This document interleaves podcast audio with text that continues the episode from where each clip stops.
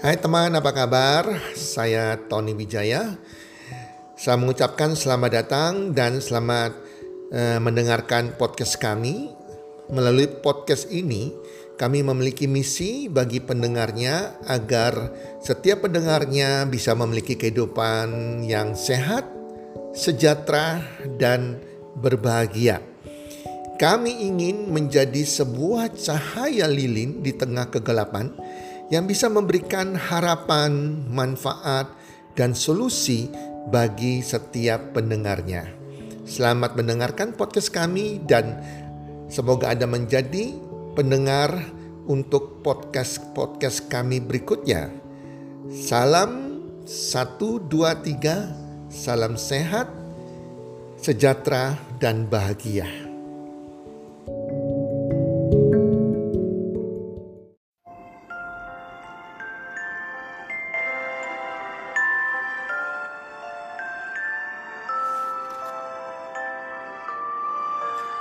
Empat temperamen dasar manusia. Hai para pendengar podcast di mana pun Anda berada saat ini apa kabar? Harapan saya semoga Anda sekeluarga berbahagia, sehat walafiat, dan makin hari makin bertambah sukses, bertambah rezekinya, dan tentunya makin hari makin mencintai podcast saya, mendengar setiap hari podcast saya sehingga Anda makin bertambah lagi rezekinya, makin bertambah suksesnya.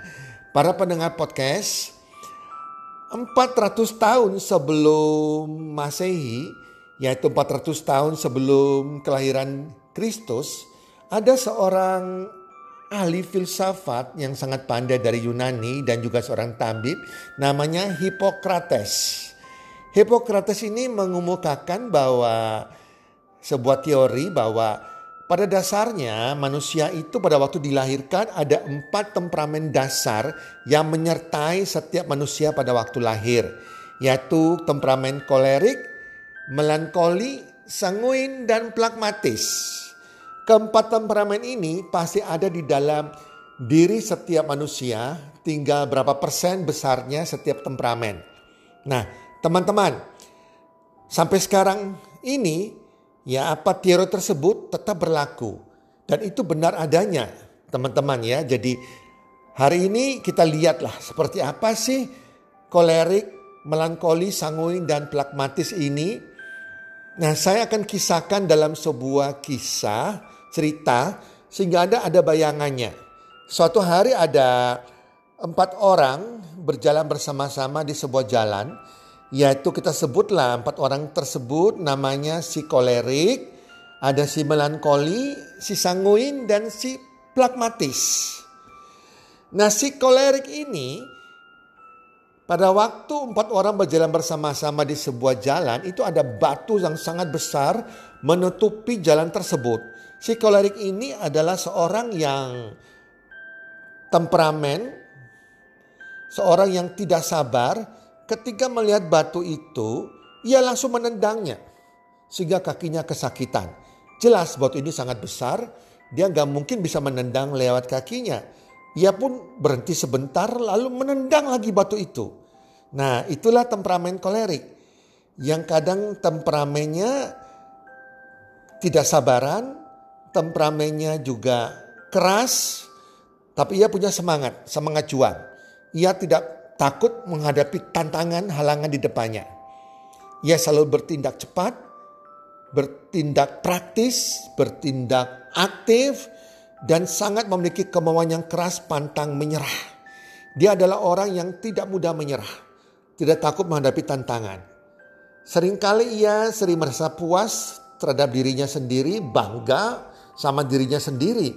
Dan si tipe kolerik ini tidak banyak bergantung pada orang lain. Ia sangat mendiri sekali.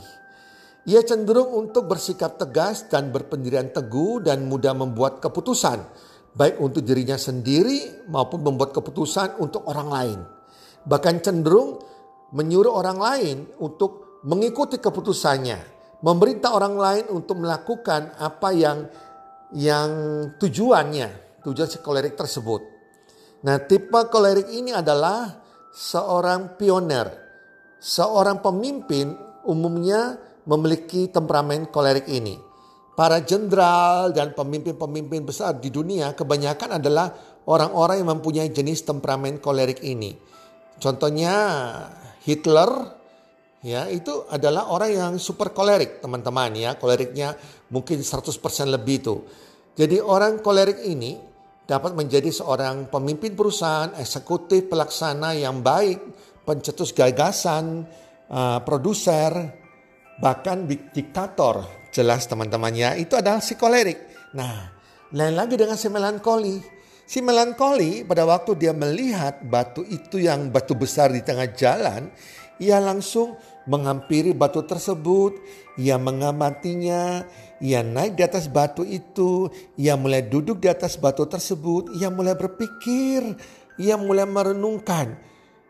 Berpikir sampai merenung, batu mengapa engkau ada di tengah jalan ini? Hai batu, mengapa engkau menghalangi aku? Batu, mengapa bentukmu kok bulat? Kok tidak persegi?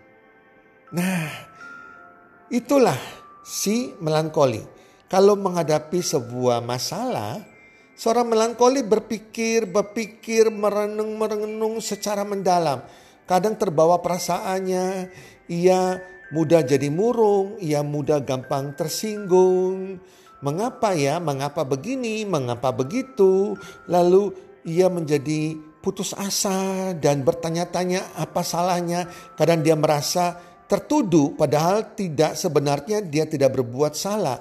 Dan si melankoli ini terkadang kalau berselisih dengan orang ia merasa sampai uh, menjadi apatis, menjadi tidak semangat, menjadi down, down dan itu tidak baik sekali yang menjadi perenung dan terkadang sulit tidur bahkan bisa lari ke valium ke minuman-minuman beralkohol eh, yang menjadi orang apatis.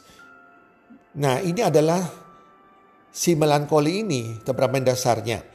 Nah banyak dari antara orang-orang yang berbakat di dunia ini ada yaitu para seniman, musikus, penemu-penemu, ahli filsafat, pendidik, dan ahli-ahli teori uh, ada, adalah orang-orang yang memiliki temperamen melankoli, temperamen yang sangat uh, ber, berperas, apa perasaannya halus sekali, perasaannya juga mudah tersentuh, juga mudah perhatian kepada orang lain juga si melankoli ini, ya mudah uh, orang bilang juga uh, merasakan kesusahan orang lain, ya itu si melankoli.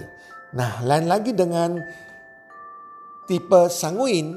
Nah, si sanguin ketika melihat batu itu, ia tidak peduli.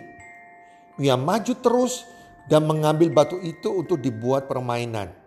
Dan mulai mengajak teman-teman lain untuk ikut bermain dengan batu itu. Sanguin ini adalah temperamen yang periang. Ia adalah temperamen yang hangat, yang supel, yang bersemangat, selalu semangat, selalu lincah dan menyenangkan. Ia tidak mudah terbawa perasaan dan ia mudah gampang melupakan hal-hal yang yang yang tidak enak ya. Ia dapat menerima segala keadaan dan kesan-kesan yang dilihatnya dengan mudah dapat uh, mempengaruhi hatinya dengan cepat, memberikan tanggapan yang cepat juga. Jadi si sanguin ini jika ia adalah orang yang periang sekali, ia bisa merubah suasana sebuah tempat. Jika ia masuk ke dalam sebuah ruangan yang banyak orangnya, ia gampang membaur ke sana. Ia mempunyai kecenderungan untuk membangunkan semangat orang-orang di sekitarnya, memulai percakapan dengan riang gembira. Ia dapat membuat suasana itu menjadi cair, suasana menjadi happy. Ya, ia disenangi oleh banyak orang karena karakternya, temperamen itu teman-teman. Ia dapat membawakan cerita dengan menarik, dia bisa melucu karena sifatnya yang hangat dan penuh, penuh emosi itu seakan-akan menunjukkan bahwa ia sedang mengalami apa yang diceritakan, diceritakannya. Dunia ini seakan-akan sepi tanpa orang-orang sanguin, teman-teman ya. Dunia ini banyak diperkaya oleh orang-orang sanguin yang periang seperti itu maka dunia ini akan happy teman-teman. Nah orang-orang sanguin ini mereka cocok sekali untuk menjadi uh, wiraniaga, menjadi guru, menjadi ahli bicara, menjadi motivator, menjadi aktor, pemain film maupun ahli pidato. Teman-teman ya. Nah, lain lagi dengan si pragmatis. Begitu ada batu, si pragmatis ini membelok dan mencari jalan lain, menghindari batu tersebut. Begitu ada halangan yang lain pun ia akan membelok lagi. Nah, Si pragmatis ini mempunyai sifat pembawaan yang suka mendamaikan orang. Ia tidak mau ramai dengan orang, tidak mau ribut dengan orang. Ia lebih banyak bersifat pendiam. Dia tidak bisa mengambil keputusan si pragmatis ini. Eh, dia lebih banyak mendengarkan daripada berbicara. Dan orang pragmatis ini mesti didorong-dorong untuk mengambil keputusan. Dunia ini menjadi damai diberkati oleh orang-orang yang sifatnya pragmatis. Tidak banyak keributan terjadi.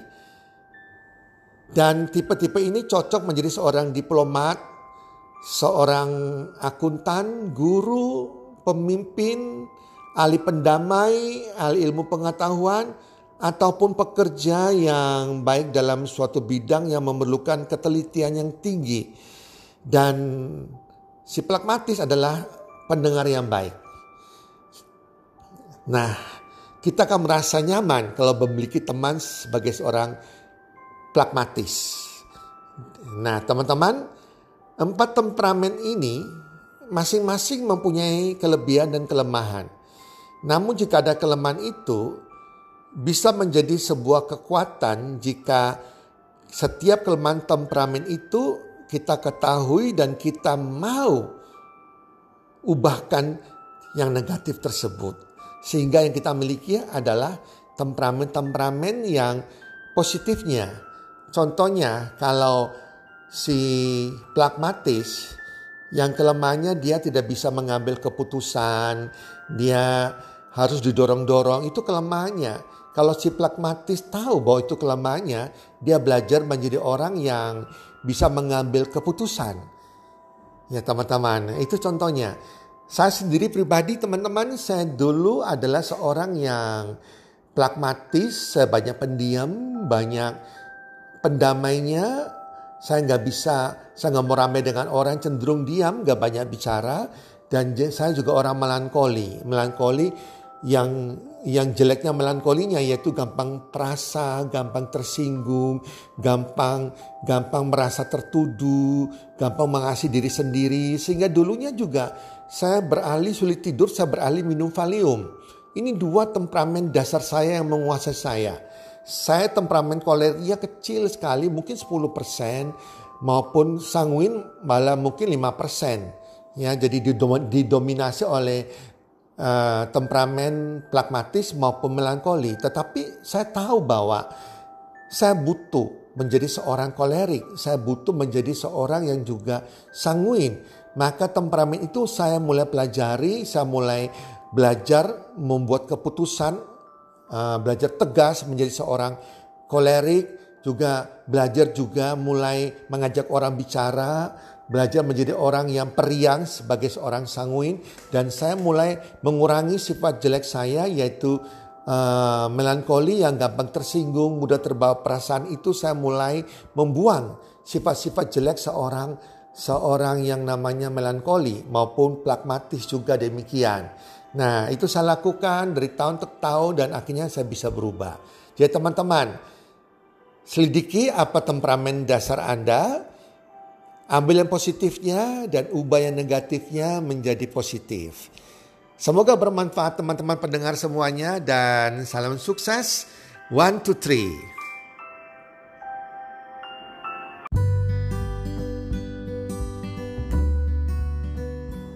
Terima kasih sudah mendengarkan podcast kami. Teman, jika Anda rasa bermanfaat podcast kami ini, Anda bisa menginfokan kepada rekan kerja Anda keluarga Anda, teman ataupun sahabat Anda. Dan jika ada hal-hal yang Anda ingin tanyakan kepada kami ataupun topik-topik apa yang Anda ingin kami bawakan, kami sampaikan, Anda bisa DM kami di Instagram kami healthcommunity.id. Salam one two three, salam sehat, sejahtera dan bahagia.